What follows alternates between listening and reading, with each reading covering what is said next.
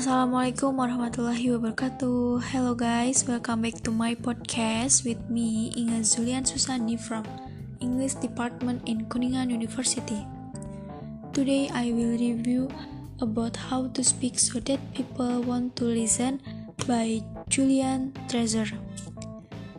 I have assembled for your pleasure here seven deadly sins of speaking. The first is gossip. Speaking ill of somebody who's not present.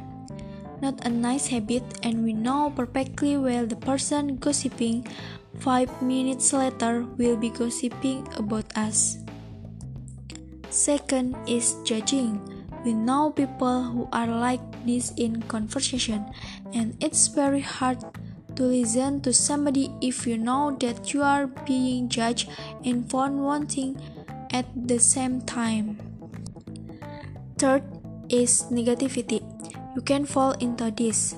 Julian's mother, in the last year of her life, became very negative, and it's hard to listen. Julian remembered one day.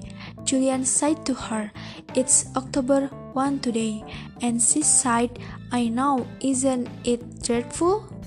It's hard to listen when somebody's that negative. 4 complaining. Well, this is the national art of the UK. It's our national sport. We complain about the weather, sport, about politics, about everything, but actually complaining is viral misery. Fifth is guy. Some people have a blame thrower. They just pass it on to everybody else and don't take responsibility for their actions. And again, hard to listen to somebody who is being like that. 6 is exaggeration. It demeans our language. Actually, sometimes, for example, if I see something that really is awesome, what do I call it? And then, of course, this exaggeration becomes lying, and we don't want to listen to people we know are lying to us. And the last is dogmatism the confusion of facts with opinions. When those two things get conflated, you are listening into the wind. You know, somebody is bombarding you with their opinions as if they were true. It's difficult to listen to that. Register. Now, falsetto register might not be very useful most of the time, but there a register in between. Then, timbre.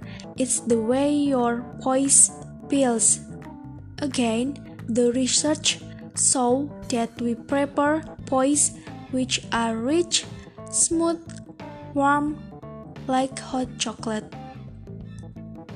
And there are amazing things you can do with breathing, with posture, and with exercise to improve the timbre of your voice. Then, prosody.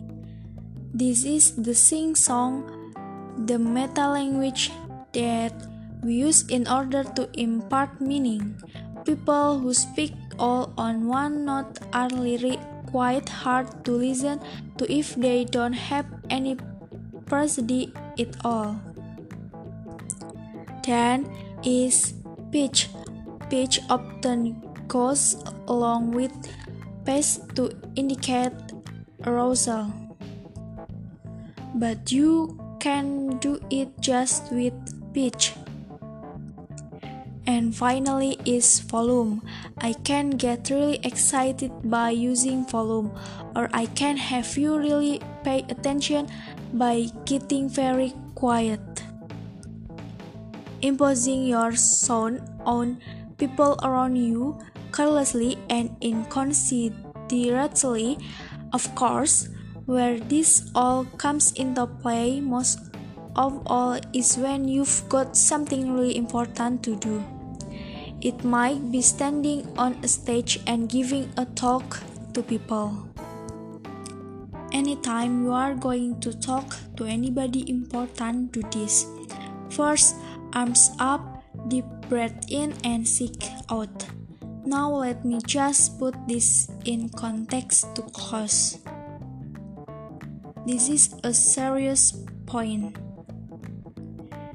That would be a word that does sound beautiful, and one word understanding would be the norm, and that is an idea worth spreading.